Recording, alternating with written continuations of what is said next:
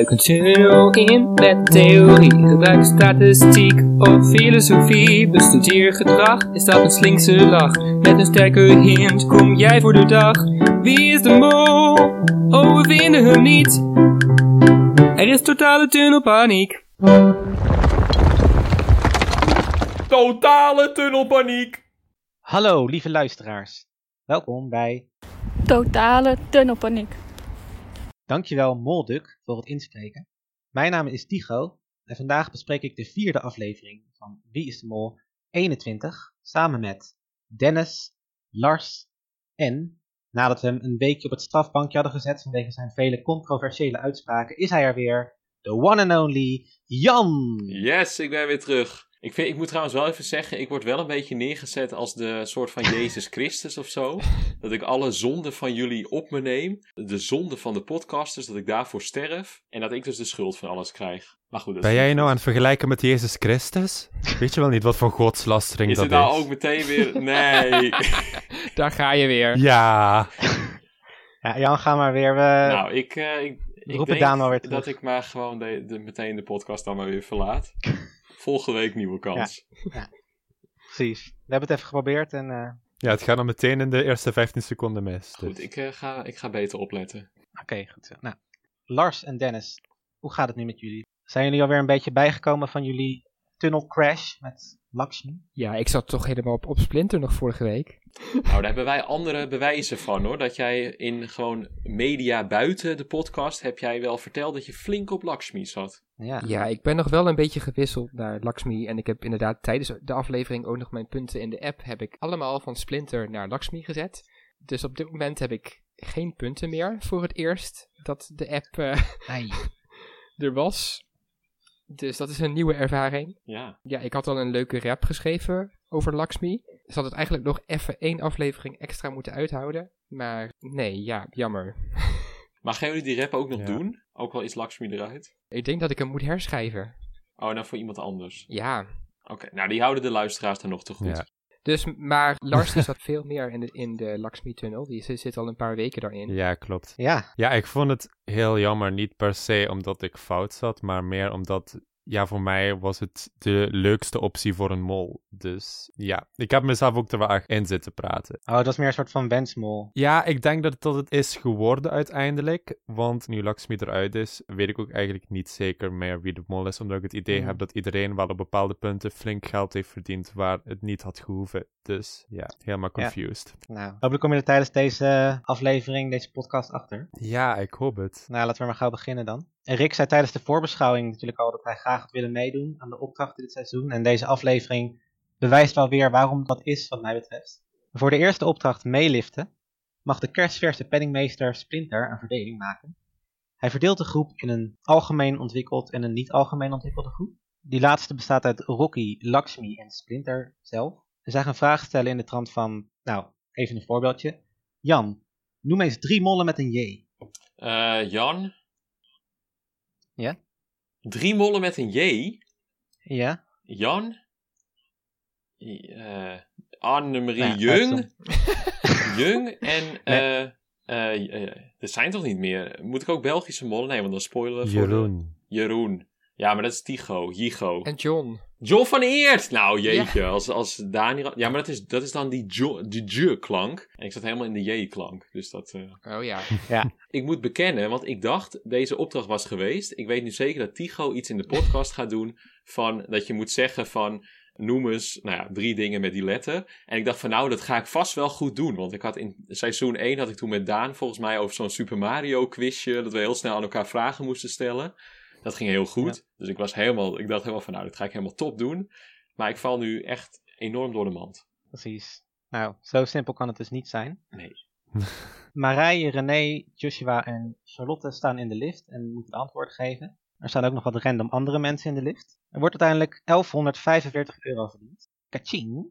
Dennis, heb jij hier de mol aan het werk gezien? Nou ja, omdat ik toch dan ook nog wel een beetje op Splinter zat, heb ik dus ook wel heel erg op Splinter gelet. Ook omdat hij nu net de geldpot heeft gekregen en nu er voor het eerst eigenlijk echt een beslissing eh, aan vast zat. Wat mij daar heel erg opviel, is dat hij zichzelf niet bij de ontwikkelde groep neerzet. Terwijl ik had gedacht van Splinter is best wel een intelligente jonge man. Die, die zou ik wel bij de ontwikkelde groep neerzetten. Maar dat geldt ook voor Charlotte. Charlotte gaf zichzelf ook niet aan, of bood zichzelf ook niet aan voor de ontwikkelde groep. Ja, Later kwam ze er wel in, maar ja omdat Mariah aan het eh, pushen was. Ja, maar waar zou je als mol willen staan? Ja, ik denk niet dat het heel veel uitmaakt. Ik denk dat je het makkelijk, ja, op zich, ik denk dat je het makkelijkst kan mollen in de schrijfpositie. Want dan kan je natuurlijk gewoon dingen op, ik denk het ook. opschrijven die iemand niet kan controleren achteraf. Terwijl als je de vraag moet Hmm. beantwoorden, dan is er iemand die naar je kijkt. Ja, en je hebt inderdaad nog drie anderen die ook antwoorden geven. Dus op zich, als stel als je als mol dus antwoorden geeft, dan heb je niet heel veel impact. Terwijl als eh, Mhm. iemand die het opschrijft, die ging echt gewoon het geld verdienen voor die vragen.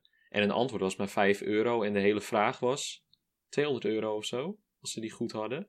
Ja, en sowieso, de mol heeft niet heel veel impact gehad hier ook. Want het maximale bedrag wat ze konden verdienen was iets van 1400 of zo. Even kijken, nee, 2250.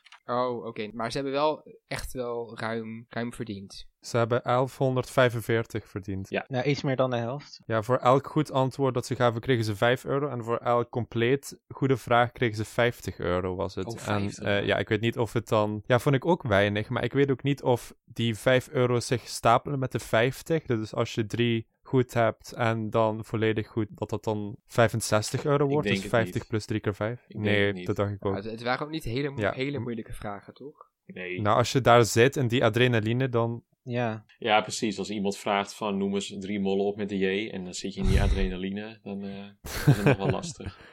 Ja. Klopt. Oké.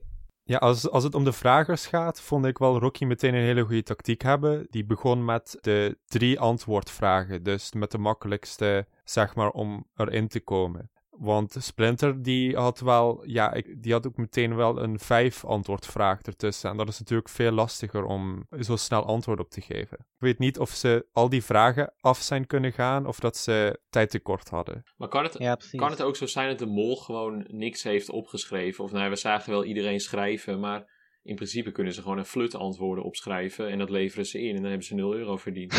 Ja, maar ja, dat, dat kan. Het is ook wel erg makkelijk op die manier, natuurlijk. ja, maar ik bedoel, als je in die positie staat, waarom zou je het niet doen? Als het gewoon makkelijk scoren Nee, is. ja, dat is waar. Dan Ja. word je ook wel echt meteen verdacht, toch? Als je met drie personen daar maar staat en dan krijg je een heel laag bedrag voor wat voor de kandidaten voelt als dat ze het goed hebben gedaan. Ja, maar het is wel zo. eh, Ze werden volgens mij niet, die antwoorden werden niet gecontroleerd door de kandidaten zelf.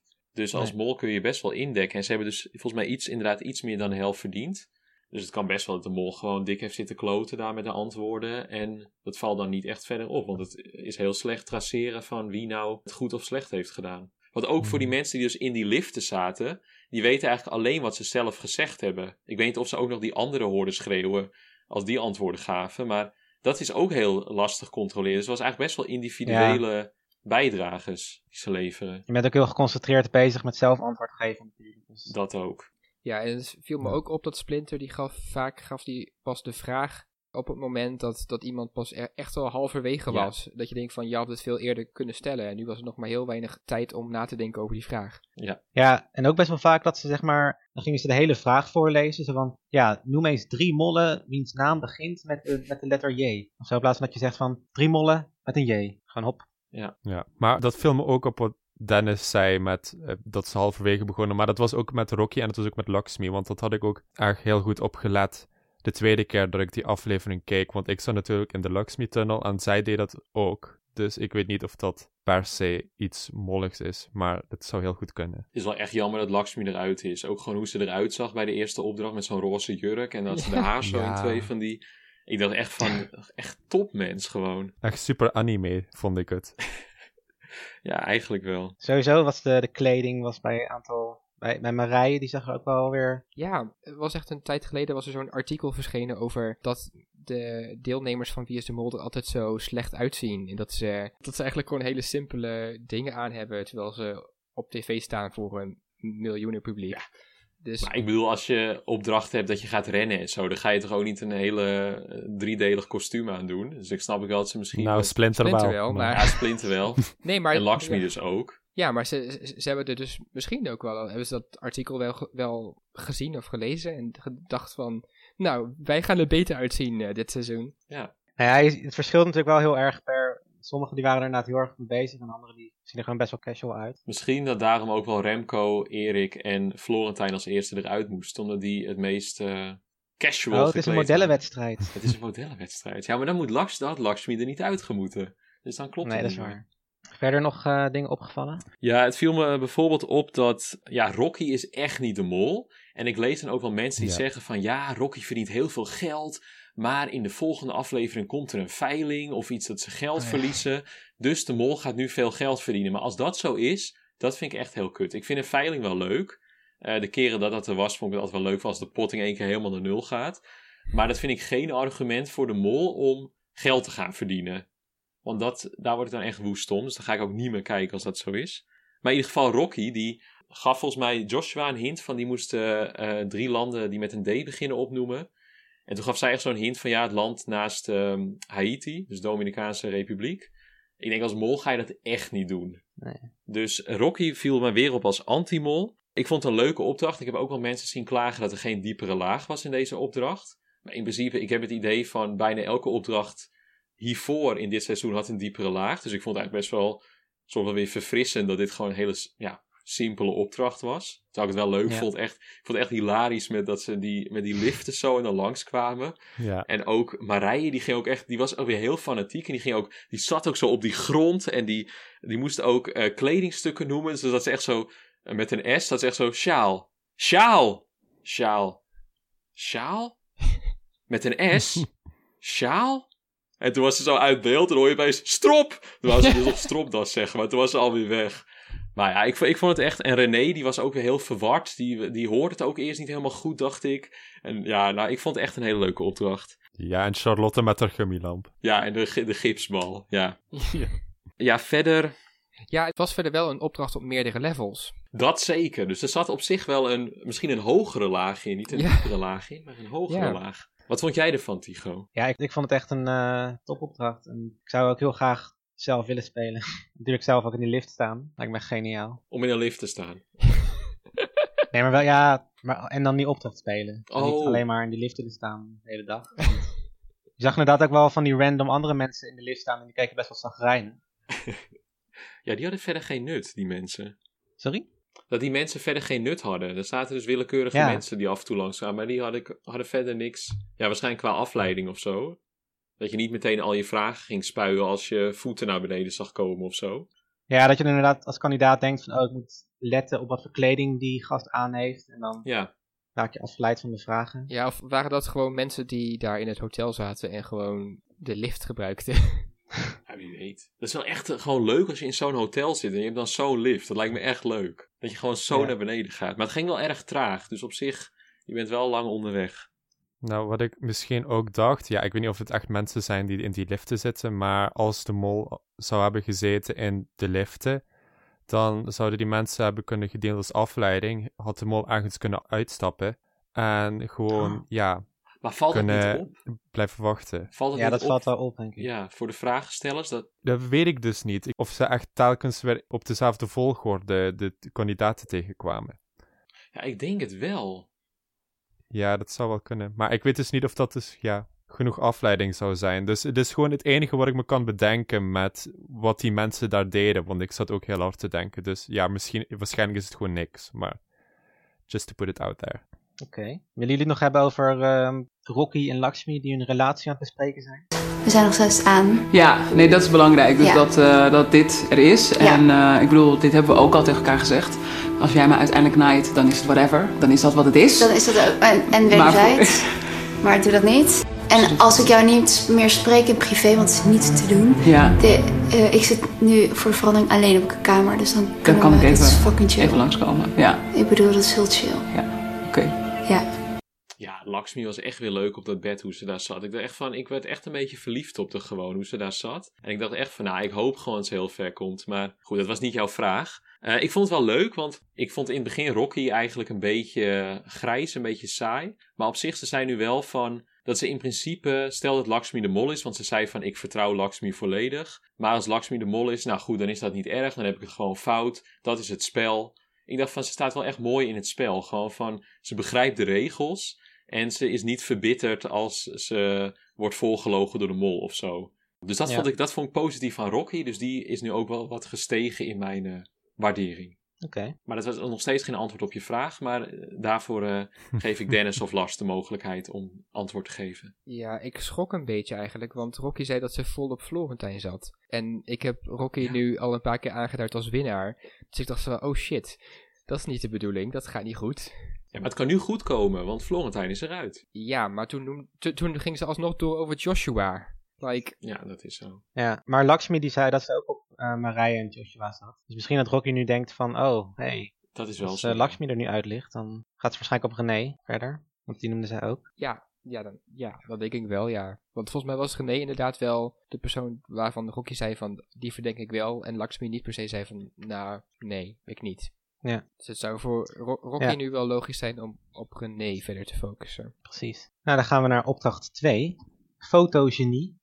Splinter mag wederom de verdeling maken. Hij laat Rocky, Joshua, René, Lakshmi en zichzelf foto's maken die naar de kandidaten verwijzen. Charlie en Marije moeten dan aan de hand van zo min mogelijk van die foto's raden bij wie ze horen. Daar verdienen ze 1200 euro mee. Ik ben heel benieuwd wat jij hier voor verdachte acties hebt gezien, Lars. Ik wil eerst beginnen met de onverdachte acties. Sorry, ik hijack het even.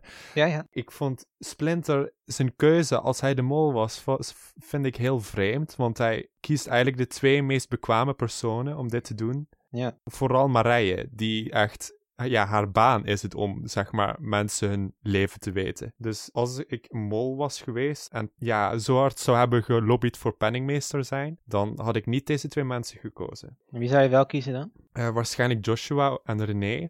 Die had ik ook opgeschreven. Want het zijn, de, ja, het zijn de iets meer, ja, toch wel verstrooide mensen die niet, ja, Ik denk dat René het nog best wel goed zou kunnen. Nee joh. zou kunnen.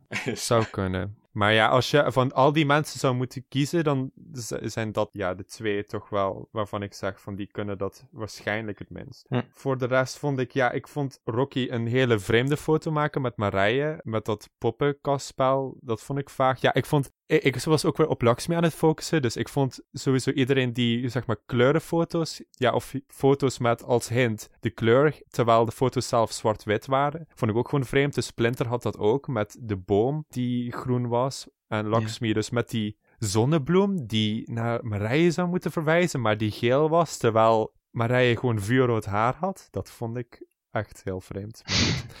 Jullie, ik ben nog een beetje aan het recoveren van mijn Lakshmi-tunnel. Laat me Oh ja, oké. Ja, ik snap het. ja, het is eh, een proces. Hm. Ja, wat mij toch wel opviel, uiteindelijk qua molachtige dingen, is dat ik vond dat bij het beslissen van Charlotte en Marije, dat Marije enorm het voortouw nam en dat Charlotte er een beetje er tegenin probeerde te gaan. Dat Charlotte wilde proberen om niet meer foto's om te draaien en gewoon tot een besluit te komen op basis van één foto, waardoor het dus groter de kans zou zijn dat ze het fout zouden kunnen hebben. Want ja, bij die eerste foto was het voor Marije meteen duidelijk. Die schreeuwde meteen: penningmeester, geld. Ja, en Charlotte zei: nee, nee, nee, dit zijn gewichten. En dat ging eigenlijk door nog bij meerdere foto's, waarbij Charlotte er een beetje er tegenin probeerde te gaan. Ja, maar het was soms ook wel andersom hoor. Dat Ja. eh, Marije dan riep van ja, doe nog eventjes eentje omdraaien, toch gratis. Terwijl het helemaal niet zo was. Ja, maar dat is wel echt 50 euro, ja. Want ik vroeg me nog af, weet de mol welke foto's gemaakt, of wel, wie bij welke foto's hoort? Weet de mol dat? Volgens mij niet, toch? Of wel? Want zouden ze in de tussentijd Oh. tussen het maken van de foto's en het ophangen daar, zou de mol dan gebriefd zijn van deze foto's horen bij deze kandidaat? Ja, maar het, eh, ooit Denk dat, het wel. je, je kan toch van tevoren de borden uit je hoofd leren? Of, Ja, oké, het is misschien gebriefd gewoon is van de volgorde van kandidaten van die borden. ja, Dat is vrij makkelijk te doen. Ja, want ik zat wel nog, want ik zat inderdaad ook op Charlotte te denken of te, te letten, omdat Marije natuurlijk zo goed de best deed. Ik dacht van ja, zou Charlotte misschien nog een beetje proberen dat te minderen? Zoals in het begin was dat zo, maar bijvoorbeeld bij het, het bord van René, volgens mij, toen zei Charlotte als eerste van dit is René. En toen kwam inderdaad het voorbeeld, volgens mij, dat Marije zei van ja, we kunnen nog wel eentje omdraaien, want het is gratis. Maar wat we dus zagen, het was voornamelijk Marije die echt, het echt goed deed. En, maar ik zou Charlotte ook niet echt zeggen dat die het echt aan het tegenwerken was of zo. Ja, het is weer goed gegaan dus, deze opdracht. Dus ik denk niet Ja. dat de mol eigenlijk in dat groepje van die laatste twee zit. Oh, wat denk jij dan? Nou, ik denk, ja, ik zit natuurlijk een beetje in een tunnel, soort van. Eh, omdat ik hiervoor dacht dat het Splinter of Lakshmi was. En dan meer, meer eigenlijk Splinter. De Splinter blijft nu over voor mij. Maar ja, Splinter had van die hele abstracte foto's ook. Ook wat jij noemde. En hij had ook voor René had hij dan zo'n beertje. En ja, heel, heel gek. Dus ik dacht van, nou, als mol is dat eigenlijk het enige wat je kunt doen als je in die groep zit. Gewoon geen goede Ja. foto's. Maar ik vond het wel weer raar, dat vond ik wel weer anti-mols, dat hij dus inderdaad, nou dat heb jij ook al genoemd, dat hij zichzelf dus in die groep van fotomakers zette. Want, Ja. En dat hij dan hele goede mensen in die andere, in dat duo zette, dat het geld gaat verdienen. Dus dat vond ik weer tegenspreken voor hem als mol. Ja, wat ook, hij had inderdaad best wel vage foto's. Hij had wel één hele goede foto met Marije met het kruis. Ja, en op zich, Joshua, die had natuurlijk, die miste één foto van Lakshmi. En die had ook, die had ook wel vage foto's. En ik vond het ook wel leuk in deze opdracht dat ze best wel shady naar elkaar waren. Ook Rocky. Die had ook een showpony bij, bij Joshua. En wat had ze nog meer? Ja, er waren er wel meerdere die een showpony hadden. bij Joshua. Ja, en ze zei ook van alles wat Marije doet is eigenlijk een showtje. Eh, dat zei ze nog. En René die, die ging een prullenbak fotograferen voor Joshua. Ik dacht van nou, dat is ook best wel een statement als je dat gaat doen. Oh ja, en Jo- Joshua ging een rouwkrans fotograferen. Van, Ja, Joshua ging dus een, gewoon een verdroogde bloemenkrans. Nou, ik zag dat ik dacht van, jee, dit is echt een heel erge belediging. En toen ging hij echt wel zeggen van, ja, eh, hij, ze is een beetje ouder, en, maar ze is nog wel mooi, dus daarom een bloemenkrans. Maar Ja. ik dacht echt van, nou, dit, als ik... Als iemand voor mij een verdroogde bloemenkrans op de foto zet en dan aan mij koppelt, dan denk ik echt van, nou, dat is echt gewoon dat je dood bent eigenlijk, soort van. Dus, maar dat vond ik wel leuk, want dat- gewoon dit soort dingen, van dat je toch denkt van, ja, het staat wel een beetje... Ze weten elkaars zwakke punten misschien al een beetje, of ze durven elkaar wel aan te spreken op bepaalde gedragingen, dus dat vond ik leuk. Maar is die eh, showpony Joshua nou zo dom of loopt hij nou expres te mollen? Ja, ik denk dat hij ook wel echt loopt te netmollen hoor. En daar word ik ook wel een beetje moe van. En ik zou, ja, ik weet niet. Ik zou het op zich wel mooi vinden, stelt hij nou de mol is. Dat hij eigenlijk zo obvious aan het mollen is. Dat vind ik dan eigenlijk ook wel weer leuk. Ja, maar hij wordt wel heel erg verdacht. Ja, dat is zo. Dus dat is ook niet heel slim. Dus ik denk niet dat hij de mol is. Maar ja, dus, dat- dus hij is niet de mol. Dus dan vind ik het irritant dat hij aan het netmollen is. Maar op zich is dat misschien ook wel weer voordelig voor deze groep. Omdat ze zo goed geld aan het verdienen zijn. Dan is het ook wel goed dat er een Joshua tussen zit. Die het af en toe opvallend echt gewoon slecht aan het doen is. Ja. Wat denk jij erover, Dennis? Ja, nee. Over deze opdracht? Oh ja, nee, ik was nog even op eh, Joshua, want ik dacht juist ook van dat Lakshmi zo heel erg op eh, Joshua zat. Dus die is, en die is Mhm. eruit. Dus het lijkt me ook gewoon heel duidelijk dat hij het gewoon niet is. En dan loopt Ja. hij gewoon echt Ja. te netmollen. Want ja, ik bedoel, als je zeven foto's moet maken, dan maak je toch gewoon zeven foto's. Ja, hij was Lakshmi even vergeten. Hij was zelfs vergeten wie hij vergeten was. Echt Ja. sneu. Ja, ook mooi hoe Lakshmi erop reageerde met haar... eh, dat je mij vergeten bent. Ja. Genant. Ja. Helemaal terecht. Dat ze dat zei, bedoel ik. Ja, nee, en verder vond ik inderdaad gewoon de foto's van Splinter gewoon een beetje vaag. Maar er is heel veel geld verdiend, dus het is heel lastig om hier een mol in te vinden. Toch? Ja. Ja, Maar ik, vond, ik vond die foto's van, van Rocky eigenlijk best wel goed. Tenminste, de meeste die ze maakte vond ik wel logisch. Ja. ja maar wat had ze? Want ze had ook een konijntje met een geweer of zo. En dat was dan Charlotte of Lakshmi? Killer dat was Bunny. Lakshmi. Dat was Char- Charlotte. Charlotte. Want ze had met Charlotte een gesprek gehad dat ze de giraf en een konijn waren of zoiets. Ja, en dat is dus goed. Omdat Charlotte dus in dat duo zit om het geld te verdienen. Dus die weet dat. Dus die kan dan die foto herkennen. Dus ja, Rocky deed het goed in dat opzicht. Nee, dat is waar. Verder nog eh, dingen opgevallen? Nou, dan zien we beelden van de busreis. En vertelt Splinter over de wereld in de bus en buiten de bus. Buiten de bus zien we schitterende beelden van het sprookjesachtige Tsjechië. Echt complimenten voor die mooie shots trouwens. En in de bus zien we René en Splinter elkaar, lijkt het wel, op de mond kussen of zo. En Joshua die een kinderverhaaltje voorleest. Dus dat is allemaal heel gezellig. En via een grot komen ze in een prachtige kloof terecht. Aldaar gaan ze een opdracht met water en vuur spelen. In vuur en vlam. Met goed samenwerken moeten ze de juiste kopers verzamelen. En dat lukt ze ook goed, want ze halen de maximale 2000 euro op. Ja, eventjes tussendoor, want normaal is Jan een beetje van de kledingopmerkingen. Maar ik vond het wel mooi dat Splinter had als enige geen zin in een nat pak, leek het wel. En Joshua die kon het echt niet laten om zijn apps even te showen. Oh ja, op het eind. Nou, je zag alleen zijn rug, toch? Dus daar, eh, ik weet niet of dat... Dat zijn niet je apps, toch? Nou ja, je zag ook wel zijn voorkant. Wat heb jij goed opgelet, Tigo? Allemaal voor de podcast natuurlijk. Precies. Ik snap het. Dat het jou niet is opgevallen, joh. Ik? Nee, ik zit alleen naar Splinter te kijken natuurlijk. Wat hij weer aan het mollen is. Maar hij was Ja. niet aan het mollen, maar goed. Nee? Nee. Oh, dit is meteen een bruggetje naar wat ik van de opdracht vond? Ja. Oké, top. nou, ik vond, ik vond het weer een leuke opdracht. En ik vond het ook een beetje Expeditie Robinson-achtig. Die hebben natuurlijk altijd heel vaak van hele ingewikkelde opdrachten. Met echt, die echt uit vier delen bestaat. En dit vond ik echt leuk. Maar ik heb ook weer, ja, ze hebben natuurlijk die 2000 euro verdiend van het maximum. Dus het is best wel lastig om eigenlijk iemand aan te wijzen die gemold heeft. René was een beetje aan het vertragen. Want ze, was, ze kon die knopen niet losla- eh, losmaken. Maar ik dacht ook van ja, René. Ik bedoel, ik had ook niet verwacht dat zij echt eh, binnen seconde van... Hey, moet je kijken, hier, ik heb, de, ik heb de knopen los. Dat had ik ook niet verwacht. En uiteindelijk hadden ze volgens mij ook tijd over. En toen waren ze al klaar met de opdracht. Dus in principe heeft ze daar ook niet veel tijd mee verdiend. Maar goed, ik zit dus een beetje op Splinter. En Splinter heeft het ook goed gedaan. Die had het vuur snel aan. Die, had, die was ook heel efficiënt met alle dingen. Die heeft die kokertjes allemaal goed in dat mandje gedaan. Die heeft er niet eentje per ongeluk in het water gegooid. Ja, en eh Marije had, had het goed gedaan. En Joshua eigenlijk ook. Nou, Charlotte ging wel nog even een soort van onrust stoken. Van ja, misschien hebben we het fout gedaan. Maar ik denk van ja, als kandidaat kun je dat ook doen. Want ja, Joshua stond wel op dat vlot. Dus misschien vertrouw je hem niet. Dus je wilt nog even checken. En er was toch tijd over. Charlotte vind ik echt een beetje de Vivienne van het seizoen. Ik denk dat zij gewoon echt heel fanatiek is. En dat echt gewoon... Ja, Marije, ik vind Marije eigenlijk eerder de Vivienne. Marije, ja. Die... Ja, ook wel, inderdaad. Dat, dat Charlotte, ik denk dat, dat ze gewoon puur echt de boel niet vertrouwde. En dacht van ja, ik wil gewoon geld verdienen. Ja. En toen zelf maar eens gaan controleren. Ja, want ik vond het eigenlijk ook, ook, ook wel raar toen ze zeiden van ja, we hebben nog meer tijd over. Van waarom gaan ze niet allemaal even kijken en het controleren? Ja. Dan weet je in ieder geval zeker dat je, dat, dat je geld hebt. En anders moet je die andere kokers nog pakken. Ja, dat is vreemd inderdaad. Dus eigenlijk vond ik wat, wat, wat Charlotte deed, vond ik eigenlijk gewoon best logisch uiteindelijk. Heeft ze wel verkeerd gekeken. Dus het kan wel een soort van nog een poging zijn om te netmollen. Maar ja, dat valt ook wel heel erg op. Of echte mollen. Ja, het valt wel heel erg op. Van als je dan toch nog die extra kokers had gepakt. En het bleek toch dat het min geld was. Ja, dat is wel zo. Maar misschien ook een beetje een kat in het nauw maakt rare sprongen. Dat ze echt dacht van, jezus, we hebben enorm veel geld verdiend deze op opdracht of opdrachten, deze aflevering. Ik moet nu even iets doen. Ja, Maar ja, ik, ik, ik denk het ook niet. Ik denk dat het gewoon kandidatenactie was. Gewoon controleren.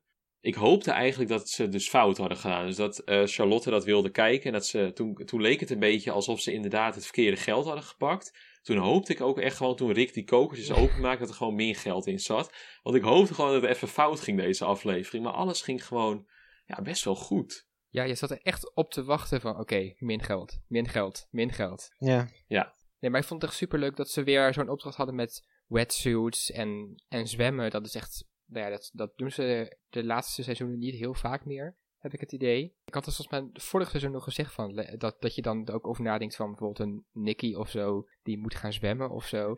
Nicky in een wetsuit, dat zou Ja. mooi zijn. Dat, dat was toch echt, echt ook leuk geweest. Ja. En in- inderdaad, het leek een beetje op Expeditie Robinson. Dus het was wel fijn dat we een beetje Expeditie Robinson hebben. Want het seizoen was gecanceld eh, Oh, echt? van af, afgelopen jaar. Dus eh, Vanwege corona? ja, Oké. dus we hebben toch nog een beetje Expeditie Robinson gekregen, uiteindelijk. En jij bent natuurlijk groot fan van Expeditie Robinson. Ja, een beetje wel, ja. En verder, ja, wie was er verdacht? Wie was er niet ver- verdacht? Eigenlijk Joshua, die keek, die, die zagen ook echt dat hij gewoon echt de tijd nam om goed te kijken naar die plattegrond. En die had de plattegrond dus wel door. Maar hij had het wel eerst fout, want we zagen toen het klaar was, toen gingen ze natuurlijk even, toen de opdracht af was, gingen ze, waren ze weer bij elkaar, toen gingen ze even praten. En toen werd het duidelijk dat Marije dus echt wist hoe die kaart zat en dat Joshua het eerst fout had. Oh En dat Marije hem gecorrigeerd had. Ja, oké. Dus ik weet niet of Joshua gewoon even zei van, oh ik denk dat we dit hebben en dat Marije zei van nee en dat ze toen doorgingen. Of dat daar nog een hele discussie tussen was, dat hebben we niet gezien. Nee. Ja, dus Marije deed het weer heel goed. Maar Jo- ja, in principe Joshua ook. Want hij was ook wel gewoon actief bezig op dat vlot. En hij sprong ook nog een keer in het water om zo'n kokertje te pakken. Ja, eventjes een side note. Eventjes los van wie de mol is. Hoe vinden jullie dat de mol tot nu toe doet? Want volgens mij wordt er best wel veel geld verdiend. Dat vind ik een goede vraag. Dank je. Ik denk dat deze aflevering, dat de mol het misschien wat slechter doet. Maar ik denk ook dat er hele goede kandidaten in dit seizoen zitten. En dat daardoor de mol wat meer concurrentie heeft. Want ja, bijvoorbeeld Rocky met de vrijstellingen. Dat kun je als mol ook niet goed echt controleren. En ja, je hebt Marije, die eigenlijk ook een hele goede kandidaat is. Dus de mo- mol heeft wel echt competitie. Ja. En ja, deze aflevering, ja, Jan had het al een beetje genoemd, dat mensen die een hele vreemde theorie hadden dat Rocky nog de mol kon zijn, omdat ze nu allemaal geld aan het verdienen is en dat kan er dadelijk helemaal weer uitgaan. Als een soort van Hufty-huisachtige tafereelen. En ik hoop het zo niet, maar er wordt wel echt veel geld verdiend. En ook door alle kandidaten. Dus ik weet niet. Ik hoop dat de mol nog meer gaat doen. Maar tot nu toe een beetje middelmatig. Ja, ik zit dan ook te denken van stel dat het dus inderdaad zo is, hè, dat Rocky dus de mol is en dat ze nu veel geld verdient omdat er later geld uit de pot gaat. Dan is het toch ook raar met aflevering 10, dan komen de mollenacties. En dan ja, aflevering 1 tot en met 4, ja, eigenlijk niet echt mollenacties. Want vanaf aflevering 5 hebben we die veiling of Hufdiehuis of wat dan ook. Dat kan toch gewoon Ja. niet? Nee, maar dat gaat gewoon echt niet gebeuren. Dat geloof ik Nee. niet. En volgens mij dus die keren dus met Inge Ipenburg, dus 2012 met Annemarie Jung en Thomas Kammert in 2017. Toen was het toch ook niet zo dat zij voor de veiling, of in ieder geval dat er geld uit de pot ging, hebben zij, was het toch niet zo dat zij toen niet gemold hadden of zo? Nou Ja, Annemarie Jung heeft sowieso niet gemold, maar dus voor Inge Ipenburg en Thomas Kammert, die molden ook voor die, die opdracht. Ja, Inge ook niet superveel, maar wel wat, ja. Ja, maar Inge die had natuurlijk de gebaren op de foto's, dus dat was natuurlijk al een enorme molactie. Ja, daar ging heel veel geld mee uit de pot. Ja, En ze had natuurlijk gewoon Natja, die zij bestuurde. Oh ja. als marionet. Ja. Ja, misschien is Joshua de Notcha van dit seizoen. Ja, precies. Ja, dus eigenlijk eh, met uitzondering van Thomas, maar daar ging de pot ook niet echt helemaal leeg of zo. Ja, maar wel een substantieel deel ging eruit volgens mij hoor. Meer dan de helft. Er ging wel veel uit, maar eigenlijk bij de andere twee, waar eigenlijk de hele pot leeg ging, waren de twee mollen ook niet zo goed. Dus ik hoop eigenlijk inderdaad dat er niet zo'n opdracht komt waarbij de hele pot eruit gaat. Ik ben ook wel benieuwd van, omdat ze natuurlijk niet elke, elk seizoen dat doen, zo'n opdracht. Het is ook wel een beetje een soort van zwaktebod als er zo'n opdracht in zit. Want blijkbaar is het dan nodig om de pot leger te maken. Dus ik, ik vraag me af of ze dan echt van tevoren al bedenken van we gaan zo'n opdracht erin doen. Of dat ze gewoon in de loop van de opnames merken van oh er zit nu wel heel veel geld in de pot. We gaan nu zo'n opdracht erin doen. Ik, ik weet niet hoe dat zit. Ik denk vooraf toch. Maar dan vind ik het ook weer, want je hebt ook heel vaak dat ze dan, die, eh, dat ze dan de pot met elkaar van gaan vergelijken van elk seizoen. Van ja, 2019 was volgens mij de laagste pot, dus Merel is de beste mol. Maar het is best wel, je kunt niet echt de seizoenen vergelijken op, want je hebt natuurlijk soms dat de opdrachten heel moeilijk zijn, soms zijn ze wat makkelijker, soms heb je zo'n veiling erin zitten. Het is, ja, die pot zegt echt niet zoveel. Merel die zorgde misschien wel voor weinig geld in de pot, maar werd wel heel erg verdacht. Bijvoorbeeld Jeroen, die deed dat wat minder met het geld, maar die werd dan ook niet zo verdacht. Mhm. Dus ja, het is ook maar net als mol welke weg je inslaat, zeg maar. Ja, en de, de, er, er- er was gewoon vroeger gewoon veel meer geld te, te verdienen met de opdrachten. Ja, dat ook. Dat is wel gek, want ze hebben nu meer budget, lijkt me. En het zijn een soort van semi-BN'ers, dus die hebben minder belang bij 1000 euro dan een onbekende Nederlander, denk ik. Dus je zou zeggen, nu moeten bedragen misschien juist wel hoger zijn voor een opdracht. Om de bekende Nederlanders ook een soort van er toch voor te zorgen dat ze echt voor het geld willen gaan. Ja. Ja, of ze willen dat juist niet. Dat kan ook. En wat vinden jullie van, ehm, van Rick dit seizoen? Ik vind het eigenlijk wel dat hij het heel erg goed doet. Ja, ik ook. Hij, hij, hij lijkt echt wel helemaal gegroeid te zijn in zijn rol. Ja. Ik vind het echt gewoon prima. Ja, ik denk dat hij ook elk seizoen iets beter is dan het vorige seizoen. Ja, Inderdaad, hij durft gewoon dominant te zijn. Op een gegeven moment ging eh, Splinter zo naast hem staan, die die verdeling moest maken. En die Rick zei van, nu. En die Splinter zei van, eh, oké, Mhm. oké, oké, eh, eh, Charlotte, Marije. Ja, en ik denk dat het ook wel een beetje te maken heeft met dat Rick is natuurlijk kandidaat geweest. Dus in het begin, dan zie je hem nog een beetje als die kandidaat. Ja, dat is waar. Op dit punt heb ik wel echt het gevoel van, oh ja, dit is echt gewoon de presentator. De persoon die boven de kandidatengroep staat.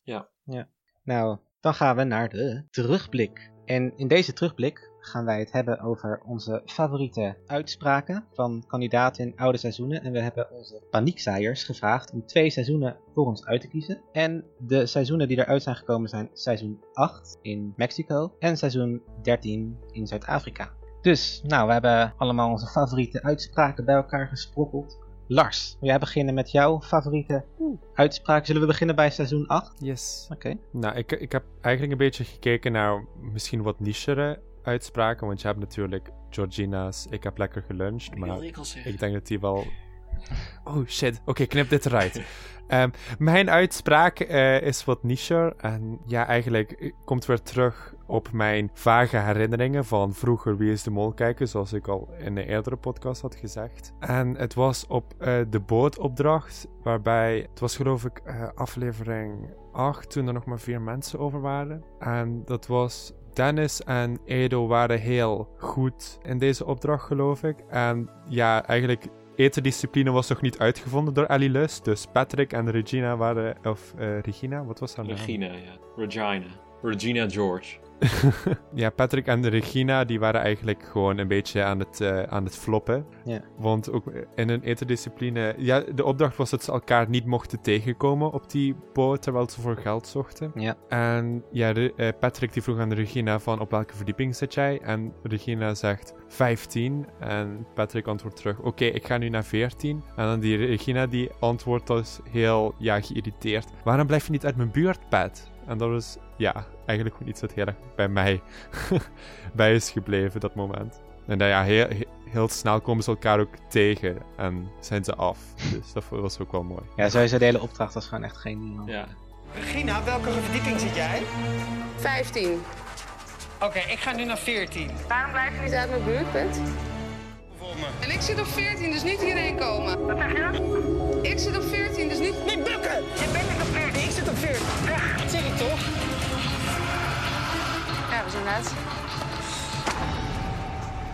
Ik lig eruit. Ja, ik ook. Wat? Hoe komt dat? Door eh, dat ik Patrick tegen ben gekomen. Goh, toevallig. Ik zit de hele tijd te zeggen dat ik op 14 zit. Nee, dat zeg je helemaal Wel. niet. Jij zegt ik ga naar een zwembad. Zie jij hier een zwembad? Ja, ik heb Dennis nog niet gesproken. Ik weet niet op welke verdieping dat, dat was. Je wist dat ik op 14 zat. Nee, je zegt de hele tijd wie zit er op 14. Maar je zegt niet ik zit zelf op 14. Ja, maar dat vraag ik niet zomaar? Het was ook wel een leuk duo, Patrick en Ja. Regina. Zijn ook allebei een beetje aan het Ja, floppen precies. en zo. Een beetje in paniek. Edo had toen ook nog wel een leuke uitspraak over... Ja, zijn we nou een theekransje aan het houden of zo? Was het ook met die opdracht? Ja. Inderdaad, Re- Re- ehm, Regina. Regina, of Regina en eh, Patrick die zaten de hele tijd maar te discussiëren over die porto. En Edo die zat er een beetje achterover leunend van... Wanneer kan ik iets zeggen? Ja. Maar kan ik dan niet beter naar 12 gaan om geld op te halen? Oké, maar hoe ga je naar 12 dan? Hey, zullen we theekrans organiseren over de porto? Is misschien wel leuk. Dit was gewoon echt, echt twee kippen zonder kop aan het kletsen tegen elkaar door een lulijzer. Nog andere quotes? Eigenlijk was dit de meest prominente voor mij. Oké, ik had uit eh, dus seizoen 8 natuurlijk, aflevering 2. Toen moesten ze, volgens mij hun eh, bagage of zo moest gewogen worden. En dan moesten ze het, het verminderen. Want ze hadden dus te veel, dat, dat doen ze eigenlijk nu nooit meer, dat ze dus minder bagage mee moeten. Toen had Patrick dus eh, een hele zware tas alsnog. En toen, toen zei hij dus van, ik heb het allemaal nodig, dit gezeik. En dat vond ik ook echt wel gewoon typerend voor Patrick. Van dat hij gewoon heel veel spullen, en daar kon ik mezelf ook wel een beetje mee identificeren. Van, ik heb dan zelf ook gewoon veel spullen mee en ik wil niet dat andere mensen daarover gaan klagen of zo. Ik had daar geen zin in. Om mijn tas leeg te gaan halen. Ik heb gewoon alles nodig. Ook 11. 11 ja, dat is veel. Ik heb het gewoon allemaal nodig. Hij voelde veel. Dus dat vond ik een leuke uitspraak. Ehm, en verder had ik nog, ja, die had eh, Lars al even genoemd. Maar dat was toen eh, Georgina eruit ging. Toen kreeg ze een rood scherm in aflevering 3. En toen was het echt zo van, nou, en dat is natuurlijk altijd heel erg als iemand een rood scherm krijgt. En toen was het echt zo van, ja, nou, het is goed. Nou ja, ik heb lekker geluncht. Dus dat was wel gewoon. Ga ik? Je gaat? Is Shit. goed? Nou ja, ik heb lekker geluncht. Voelt gezellig. Echt de meest iconische eh, exit ooit. Het vatte wel goed samen hoe zij was in het spel, denk ik. En uiteindelijk heb ik nog eh, aflevering 9. Dat is dus de finale. Dus met eh, Edo, Regina, Regina en ehm, Dennis natuurlijk, de mol. Ehm, toen ging ze natuurlijk allemaal de kandidaten even bespreken. Van ze gaan natuurlijk de test maken en zo. En toen zat Edo, die ging dan Regina nadoen. Van, ik weet niet meer waar het over was. Maar dat die, deed die Regina na van ze heel geëmotioneerd was. Van ja, de mol kan ook een ander plan hebben. Omdat er natuurlijk dan, hij zei iets en dan werd Regina helemaal boos. Dus dat vond ik ook gewoon leuk. Van dat, hoe, dat toonde ook echt aan hoe Regina in het spel stond en hoe Edo in het spel stond. Toen eh, Koen zei dat de mol niet als, eh, als doel heeft om mensen weg te krijgen, maar om zo min mogelijk geld in de pot te krijgen. Dus zei Regina heel geëmotioneerd. Ja, maar de mol kan ook een ander plan hebben. Dus die quotes had ik voor ehm, seizoen 8. Dennis. Ja, nog een Georgina quote die met haar bord over een markt heen loopt. Van, It's the latest fashion. Hola. It's the latest fashion. Oh, ja. Ja, dat weet ik ook nog, ja. Ja, echt een mooi moment. En ja, eigenlijk ook wel veel van de quotes die jullie ook al hebben genoemd. Uiteraard de, is Ego de Mol de grote hint van dat, eh, Oh, ja, van echt dat seizoen. hint. Ja, ja, dat is echt ook wel gewoon een iconische uitspraak, denk ik. Ja. Ja. Oké, mijn vraag is: is Ego de Mol?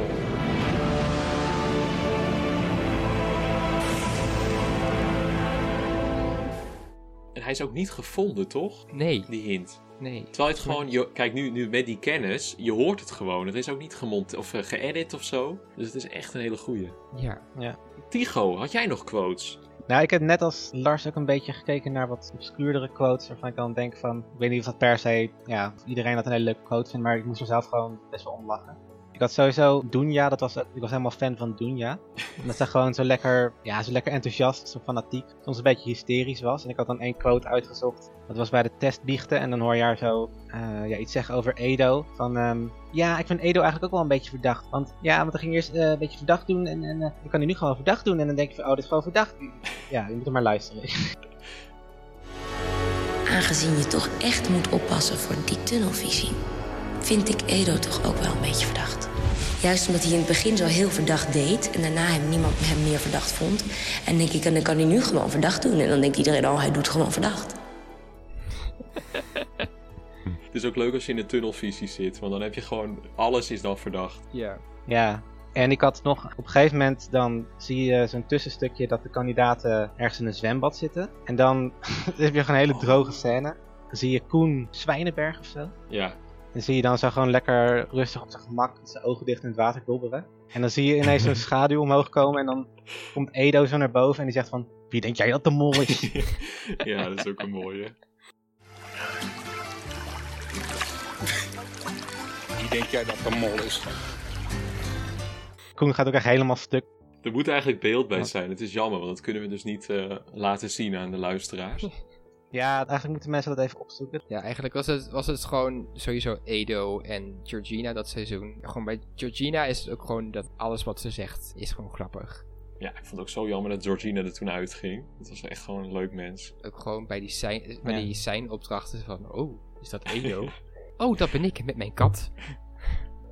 Ben ik het misschien? Volgens mij staat hij met me. Ik sta met mijn kat altijd zo. Oeh, zou dat Edo zijn?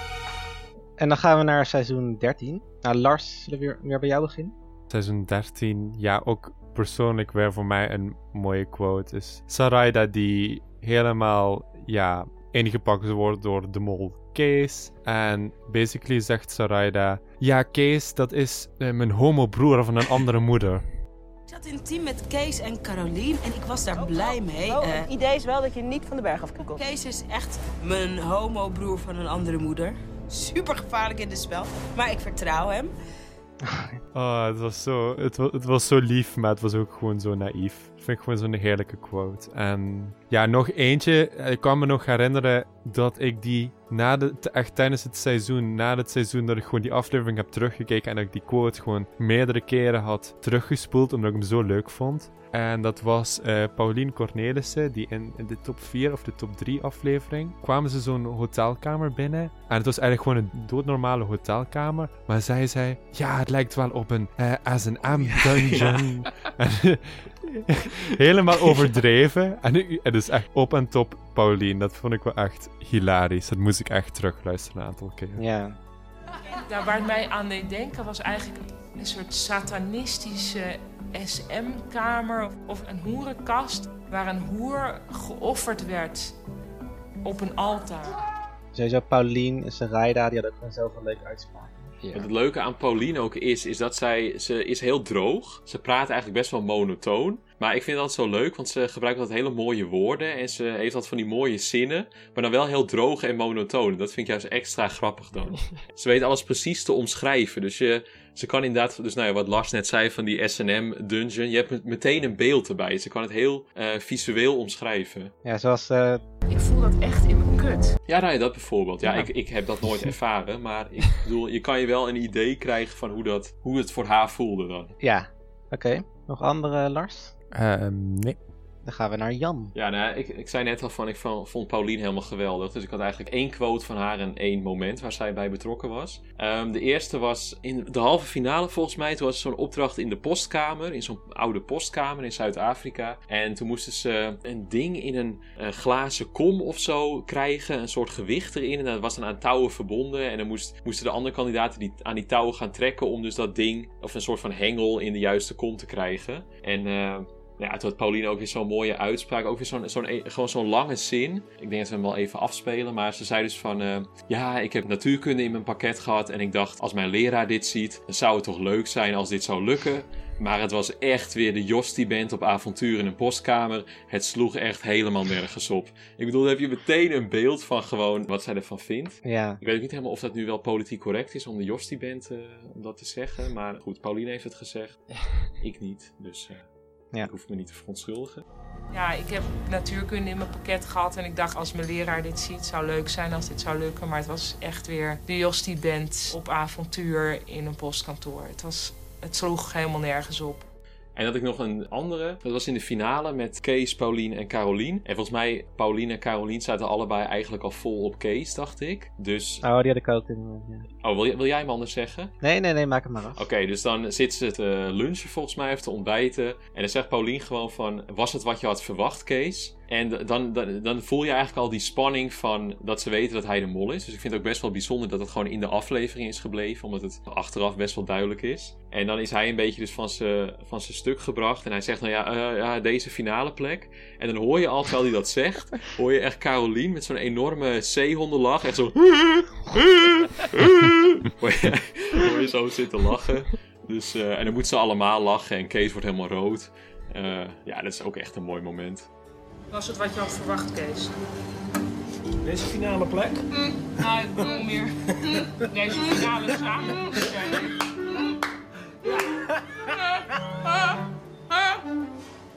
Probeer het nou. Ik krijg een kleur. Daisy wordt rood. Nee, zo erg. Dus dat waren mijn momenten van eh, seizoen 13. Het is eigenlijk sowieso de laatste afleveringen is het zo duidelijk dat Kees het is.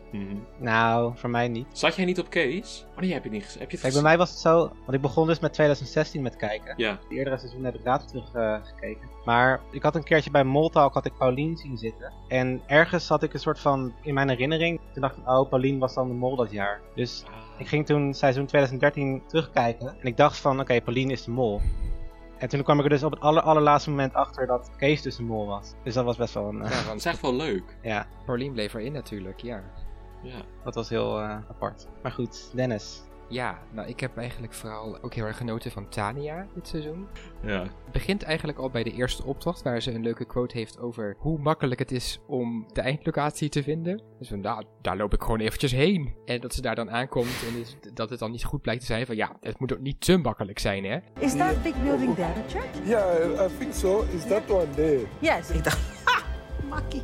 Ik loop er naartoe. Ik heb 45 minuten. Makkelijk, ik loop er naartoe. Zo. Hoe kom ik naar binnen? Dicht? Nou, moet ook niet te makkelijk zijn, hè? Moet even dan een deurtje zoeken of zo.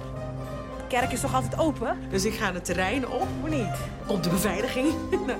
I was looking. Dus dat was wel echt een leuk moment.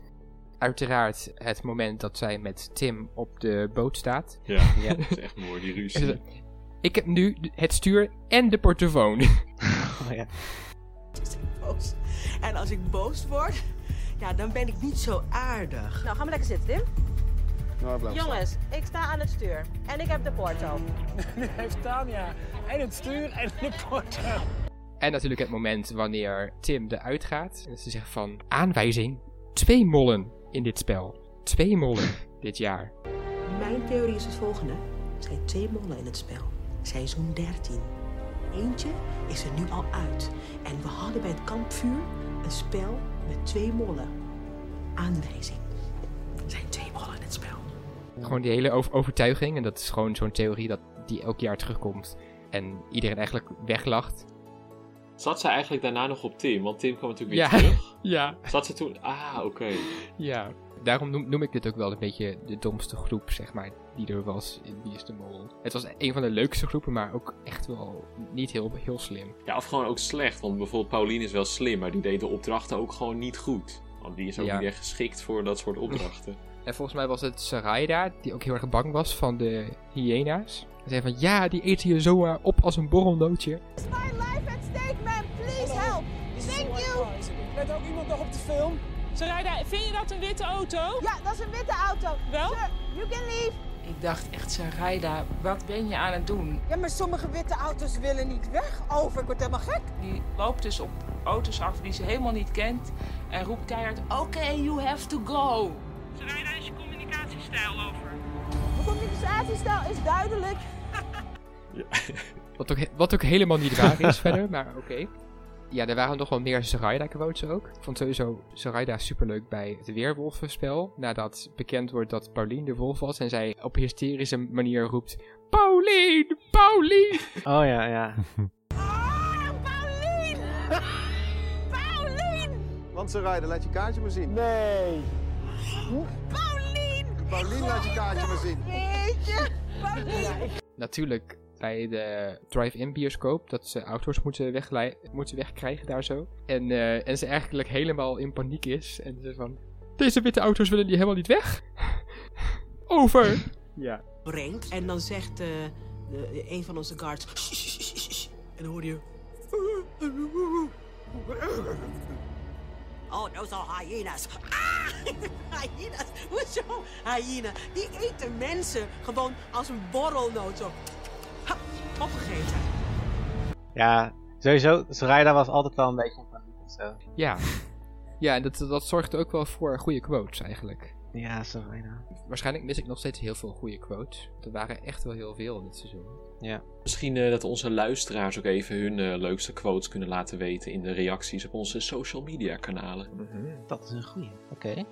Tigo, heb Zal, jij zal nog? ik nog... eh, Oké, nou ik, heb er nog, ook nog drie. Eentje, dat is, ehm, ja, dat meer, niet echt één uitspraak, maar meer een soort van wel grappig moment. Op een gegeven moment dan zit de groep eh, aan tafel, aan de ontbijttafel, en dan hebben, ze, dan het over die kokers. Sommige mensen willen dan een koker openmaken, maar Daniel Bossevan, die zit zo helemaal van... Nee, nee, nee, alsjeblieft niet openmaken, want je zult zien, straks komt er een opdracht en dan moeten we nog iets met de kokers en... Dus laat ze alsjeblieft dicht. En dan op dat moment komt Art zo binnenlopen. En die zegt zo van... ehm, ja, jullie gaan straks een verduisterde kamer in. En dan zie je echt de groep zo reageren van... Zie je wel, zie je wel.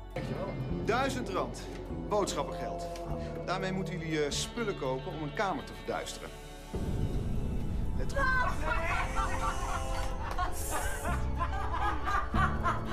Nee, dat kan niet. Let wel goed op bij het shoppen, want eh beste producten liggen niet altijd op ooghoogte. Succes. Ja, oké, dus dat zijn de stoppen. Jezus, weet je. Ongelofelijke sukkels ook. Hadden we bijna, hadden we bijna niet zo. Komen nog wel. Dus ja, dat is gewoon best wel een mooi moment. En ik had ook nog een moment van Tania bij, ook bij die weerwolvenopdracht. Dat dan op een gegeven moment wordt bekend dat Daniel zeg maar een mol was in dat spel. En dan reageert Tania helemaal zo van... Ik voel het aan mijn water, zeg ik je. Ben niet gek, jongen. Dat betekent, Daniel, dat jij de meeste stemmen hebt. Je mag laten zien wat jouw rol was vanavond. Hallo. Ik voel het aan mijn water, zeg ik je. Kom Dus dat is eigenlijk heel dom van Daniel. Ben niet gek, jongen. Ja, dat is gewoon weer een typisch Tania momentje. En ja, en ik had er nog een beetje zo'n, vond ik zelf dan wel persoonlijk een droge quote. Dat op een gegeven moment dan wordt die Tim Haars, die wordt dan bevrijd uit die kooi. Dan is hij zelf eigenlijk ook best wel een beetje flabbergasted over. Van, nu ze mij nou bevrijd, sure. Maar dan, dan zegt hij in zo'n biecht, zegt hij van, ehm, ja, dan, op- dan, je bent dan overtuigd dat je uit het spel ligt. En dan ineens zit je weer in het spel. En dan, ja, dan, dan, dan voel je, dan voel je, ja, dan, dan voel je dat je leeft. Omdat je zo dicht erbij zit om eruit te gaan. En als je dan toch mag blijven, ja, dan, dan, eh, ja, dan, dan voel je wel even dat je, dat je, dat je, dat je, dat je leeft. En dat, ja, dat is gewoon een beetje een droog moment. dus, dat waren wel een beetje de quotes, eh, Leuk. denk ik. Leuke quotes hadden jullie. Ja, jij ook. Dank je. Nou, dan gaan wij naar de hints van de enige echte Jan, Ja. de hintman. Nou, ik moet eerst eh, Lars even een complimentje geven dat hij het vorige week heel goed heeft overgenomen. Lars de Hint Mars, wat was Oh, het? dankjewel. Ja. Lars de Hintknars. Ehm dus, eh, Lars is een hint, Lars. Precies. Dus, eh, maar goed, ik, ik neem het graag weer, eh, het stokje neem ik graag weer over. Ik heb niet zo heel veel hints. Nou, misschien ook weer wel. Het ligt er maar net aan hoe lang we erover spreken. Dus de eerste laat ik beginnen bij de afleveringstitel. Want ja, begint de aflevering mee. Dat was Voor het Zeggen. En wie had het in deze aflevering vaak voor het zeggen? Dat was Splinter Chabot. Dus zou Ja. de afleveringstitel naar hem kunnen verwijzen. Ja, dat kan. Dat kan. Ja, Ja, toch? Kan zeker. Maar je kunt ook denken, bijvoorbeeld Marije en Charlotte hadden het bij die foto's voor het zeggen, omdat ze gingen bepalen ja, wie welke fotomuur was. Dus ja, dat is ook weer een hint met haken en ogen, maar ik wilde hem even genoemd hebben.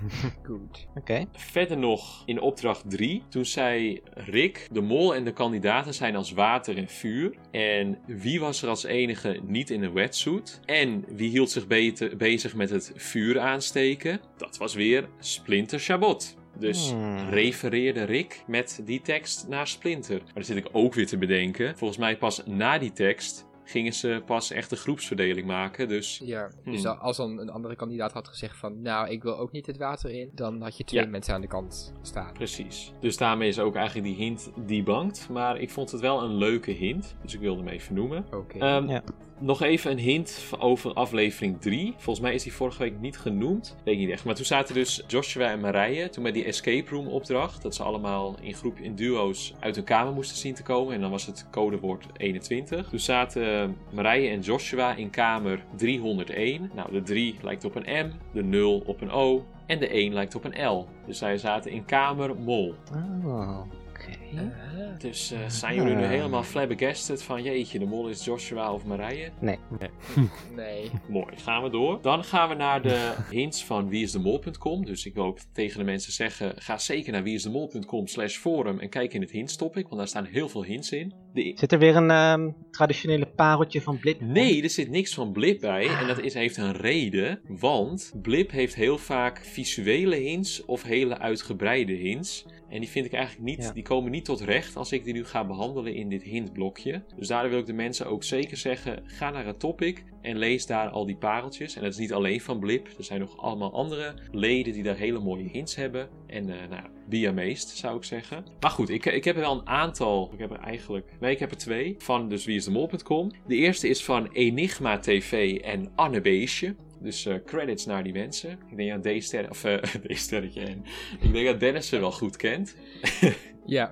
Dus ja, wat, wat het dus was, dus in de, je krijgt natuurlijk elke week in de Wie is de Mol app, krijg je een testvraag. Ja. En bij de testvraag van aflevering 3, dus dat was de ja, vorige testvraag. Maar goed, wanneer de luisteraars dit horen, dan is er alweer een nieuwe testvraag geweest. Maar die daarvoor dus, die bij aflevering 3 hoort. Dan is er een hond te zien op een kaart. En die hond, die is dus uit een Zwarte Piet spel. Dus je hebt zo'n kaartspel en dat heet Zwarte Pieten. En daar is die hond uit. En toen heeft dus, dat heeft Enigma TV opgenoemd. En dan heeft Anne Beesje is daar helemaal op losgegaan. En die heeft dus gezegd dat in de kameraadopdracht, en dat was volgens mij die escape room opdracht, als ik het goed, als ik me goed herinner.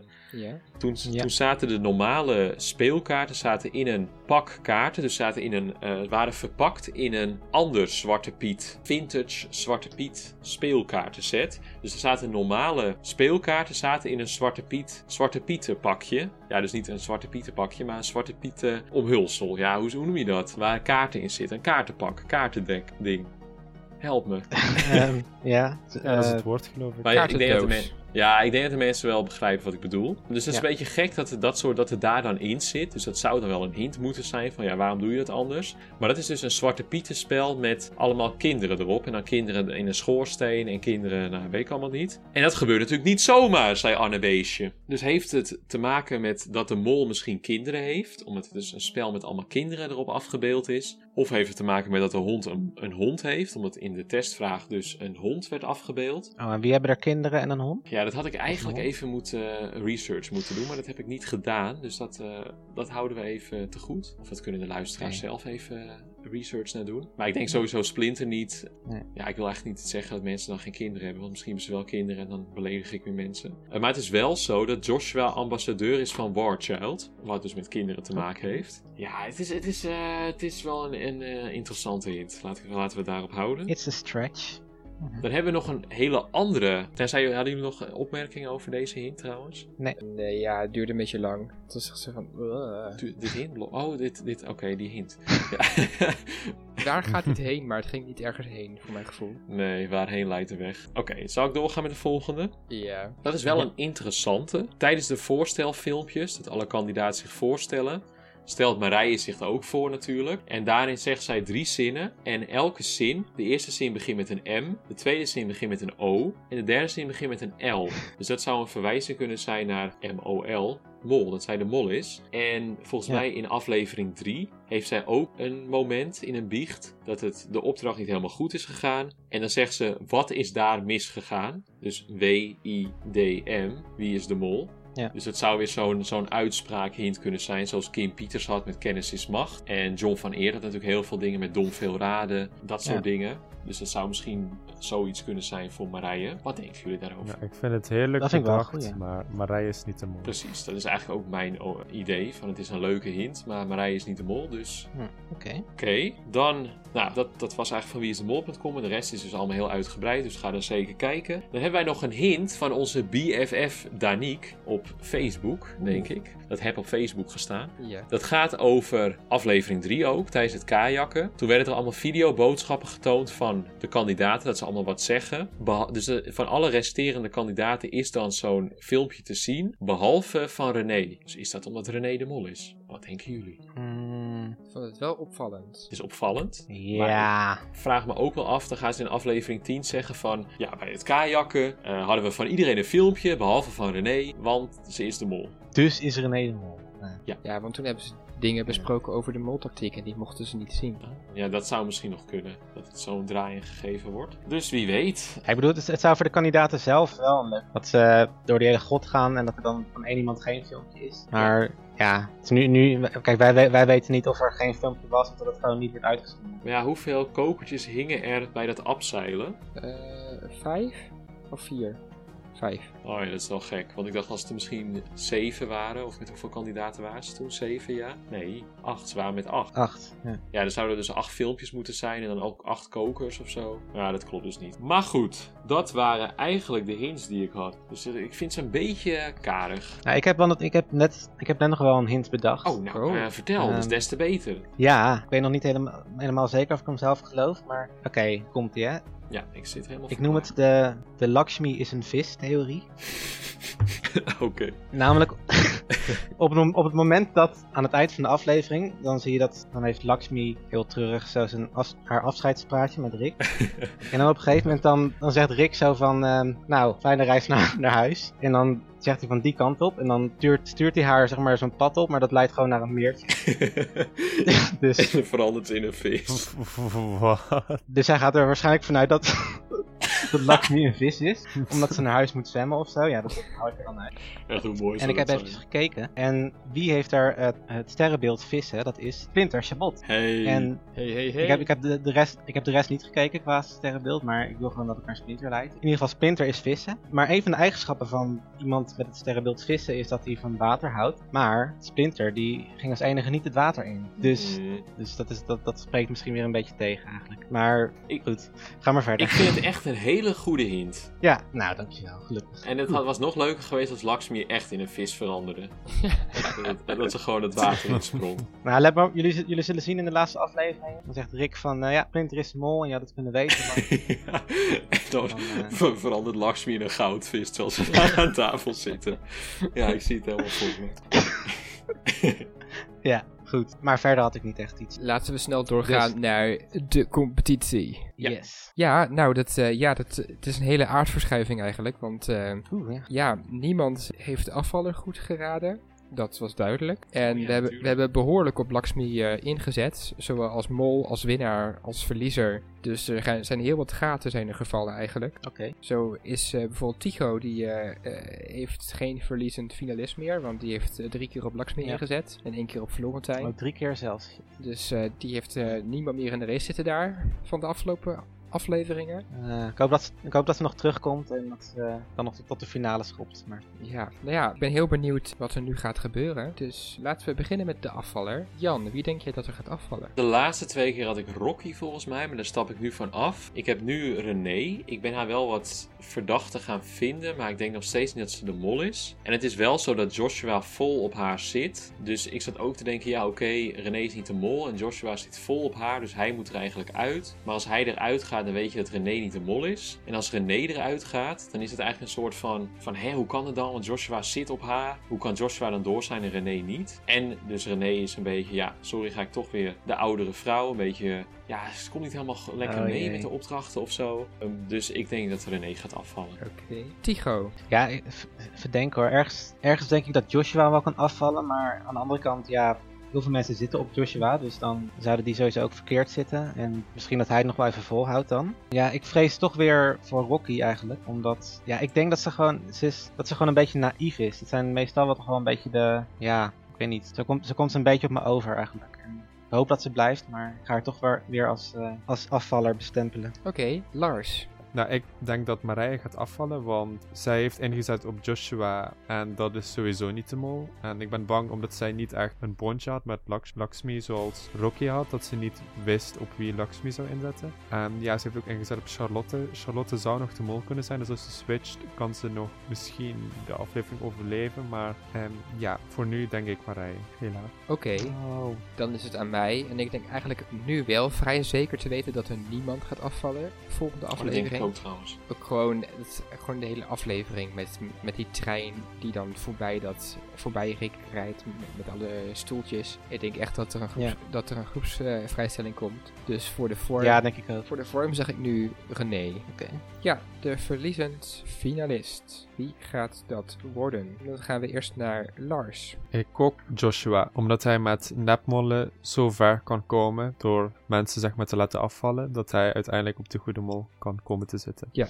Ook dan gaan we naar Jan. Die moet wisselen, want die zat op Lakshmi. Ja, zeker. Ik heb, nou, ik heb Rocky helemaal nu gepromoveerd tot verliezer. Dus eerst had ik als ander als afvaller en nu als verliezer, dus finalist. En ik dacht eigenlijk, omdat natuurlijk Lakshmi nu afgevallen is, daar had Rocky natuurlijk een bondje mee. Dus zij weet nu van, oké, Joshua en Marije zijn niet de mol, want daar heeft Lakshmi waarschijnlijk op ingezet. Dus ik verwacht dat ze misschien nu wat meer richting de juiste mol kan gaan. Dus dat ze dan finalist wordt. Ja, oké. Tycho. Ja, ik vond dat Lars wel een goed punt had over Joshua, dus ik ga daar gewoon in mee. Dus ik zeg ook Joshua. Ja, en ik ben eigenlijk weer bijgedraaid over Marije. Dus ik ga op Marije inzetten. Oh, oké. Maar volg jij nou nog steeds die hint van twee weken terug of zo? Toen had ik een hint genoemd. Ja. Nee, want dat, nee, want dat kan al niet meer kloppen.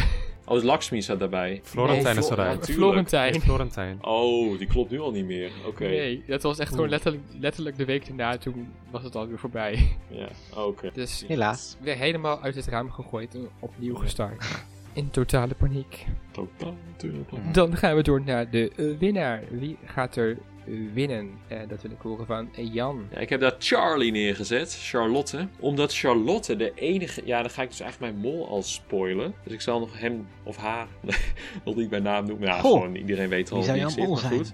Eh, Charlotte is de enige die hem of haar niet echt uitsluit als mol. En de anderen hebben wel vaak dat ze zeggen van bij hem of haar van oh die vertrouw ik. Dus ik denk dat Charlotte de meeste kans heeft om richting mijn mol te gaan. Dus ik heb daar met elkaar als winnaar. Ja, ik, ik heb dat ook. Dus Oké. ik, eh, ik sluit me daar gelijk bij aan. Ik, Topkeuze. Eh, ik ben ook weer helemaal terug naar Charlotte. Naar mijn uitstapje richting Rocky. Die opeens helemaal fout zat. Dus dan maar weer terug naar Charlotte. Tycho, jij eh, zit al een tijdje op Charlotte als winnaar. Blijft dat zo? Ja, jazeker. Ik blijf gewoon bij Charlotte. Ik heb alle vertrouwen in haar. En ik gun het haar ook wel. Omdat ze gewoon ja, heel fanatiek het spel speelt. En zoals ik al zei, ik vind haar een beetje de Vivienne van het seizoen. Dus ehm, ja, ik blijf absoluut bij haar als winnaar. Winnares. Oké, dan eh, Lars. Nou, ik eh, ga even tegen de stroming in en ik zeg dat Rocky gaat winnen. En dat is ook meer omdat, ja, op dit moment ben ik nog een beetje opnieuw aan het bekijken wat er in elkaar zit. En ja, ik hoop gewoon dat de winnaar iemand wordt die gewoon echt het spel heel goed speelt en voor het geld gaat. En dat is, Rocky is zo iemand. Dus ook meer een wenswinnaar. Oh, dus het is niet jouw mol. Oh, wenswinnaar. Dat, is, bestaat dus nu ook. Ja.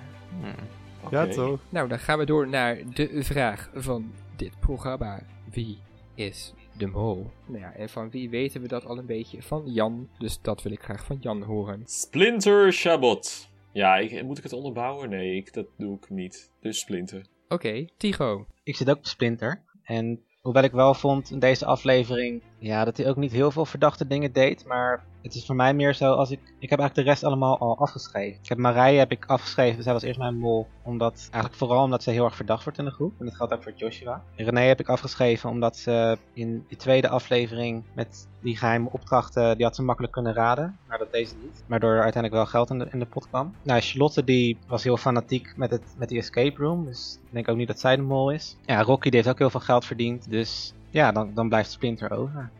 Splinter. Oké. Ja, ik, ik zit ook, want ik zat eh, met Splinter en Lakshmi dus vorige week. En uiteindelijk tipte ik een beetje richting Lakshmi. Maar die is eruit gegaan, dus we gaan weer terug naar Splinter voor mij. Oh jee. Goed. Gezellig. Allemaal Dus, weer eh, dezelfde tunnel in? Ja, we duiken allemaal weer de- dezelfde tunnel in. Voor nu, want wa- wat gaat Lars doen? Precies. Ja, ik ga het even vertikken. ehm, want ik weet, dat, ik weet hoe dat de vorige keer ging. En Ja. eh, liever niet. Nee, maar ik vind Splinter op zich een goede keuze. Ehm, ik twijfel ik wil, tussen Charlotte, René en Splinter. Want ja, eigenlijk meer omdat Marije, Joshua en Oroki gewoon echt niet de mol zijn. In my honest opinion. Humble opinion. En ja, dus eigenlijk is het dus een beetje... Wat het probleem is, ik heb dus bij alle drie, bij Charlotte, bij René en bij ehm, Splinter, zijn er allemaal momenten geweest waarbij ze echt geld in de pot hebben gebracht terwijl het niet hoefde. Charlotte en eh, René sowieso bij de escape room. eh, vooral Charlotte's actie was dat. Ja. Ehm, René, zoals Tycho zei bij de, in de tweede aflevering. En ja, Splinter deze aflevering bij het aanwijzen van Charlotte en Marije als aanwijzer. Ja. Dus ja, ik vind het heel lastig. Ehm, ik ga voor nu René zeggen. Oké, spannend, spannend. Nou, dat, dat was het dan voor de inzet van de competitie. Alright. We gaan kijken of we Lars nog eh, kunnen overhalen naar een splintertunnel. Maar eh, Nou, ik vind het ook wel goed hoor, dat hij gewoon in een andere Ja. tunnel zit. Ja, precies. Want het, anders dan eh, vorig zitten jaar we allemaal dezelfde, dezelfde dingen te roepen straks. Dus, ehm, dus blijf vooral weg uit onze tunnel, Lars. Blijf kritisch. Ja, Ja. Stel die kritische vragen. ja, zoals Charlotte ook zou doen. Ja. Ja, precies. Jullie zijn allemaal eh, meneer Rutte voor mij. En, We zijn allemaal wat? Maar wat zei nou? Jullie zijn allemaal Rutte? ja, jullie zijn allemaal Rutte voor mij en ik moet jullie eens goed aan de tand Oh, voelen. ja. Ah, ja. Juist, dat Oké. stond niet op de website. precies. Oh, heerlijk. Zeg, Dennis, zijn er nog nieuwe paniekzaaiers? Of je weet? En ja, er eh, is een nieuwe paniekzaaier bijgekomen. Oh. Onder de naam Lulu! Maar eigenlijk eh, kennen we haar beter als, eh, als Meerte in de Wie is de Mol Discord Oh, server. Meerte! Leuk! Ja, ja dus eh, Leuk, super nice. leuk dat je erbij bent. Volgens mij ook voornamelijk voor onze leuke eh, Discord-event. Zoals? Discord-event? Ja, we hebben een eh, Wie is de Mol pubquiz. Wat leuk! Wanneer is dat? Dat Oh. is op donderdag 4 februari om Oké. half negen. Echt de, de oude molavond, zeg maar. Ja, en wat moet je Dus doen om daarbij te zijn? Nou, daarvoor moet je dus eh patron worden. Het is Patreon. Patron? Patron. Je moet daar patron voor worden. En dat is een bijdrage van, nou ja, als je aan een Discord-event mee wil doen, is dat, hoeft dat maar 3 euro te zijn. En dan, eh, ja, krijg je allerlei leuke dingen. Nou, zeker doen mensen. Ja, 3 euro per maand wel, hè? Ja, 3 euro per maand. Maar ja, ik bedoel, Dag per dag, dan valt dit reuze mee. je kan ook eh, gewoon één maandje meedoen. Dat is ook prima. Dat is zeker zo. Ja, Ja, en hoe kunnen mensen ons bereiken? Eh, Ja, je kan ons bereiken via Facebook, Instagram, op viasdemol.com. Ja, en natuurlijk gewoon via onze kanalen waar je ons op kan beluisteren. Dus dan voornamelijk Soundcloud. Oké, nou, dank jullie wel weer allemaal. Ja, jij ook bedankt, En, eh, Tycho. Ja. Ja, en de luisteraars. Ook allemaal bedankt. Ja, dat zeker. En volgende week zweeft er iets boven een poppetje, zwemt er iemand op de wc en het is een koekje en wordt Rick op sneltreinvaart gepasseerd. En uiteraard bespreken wij dit allemaal weer in een nieuwe podcast. Tot dan! Aan je paraplu. Doei.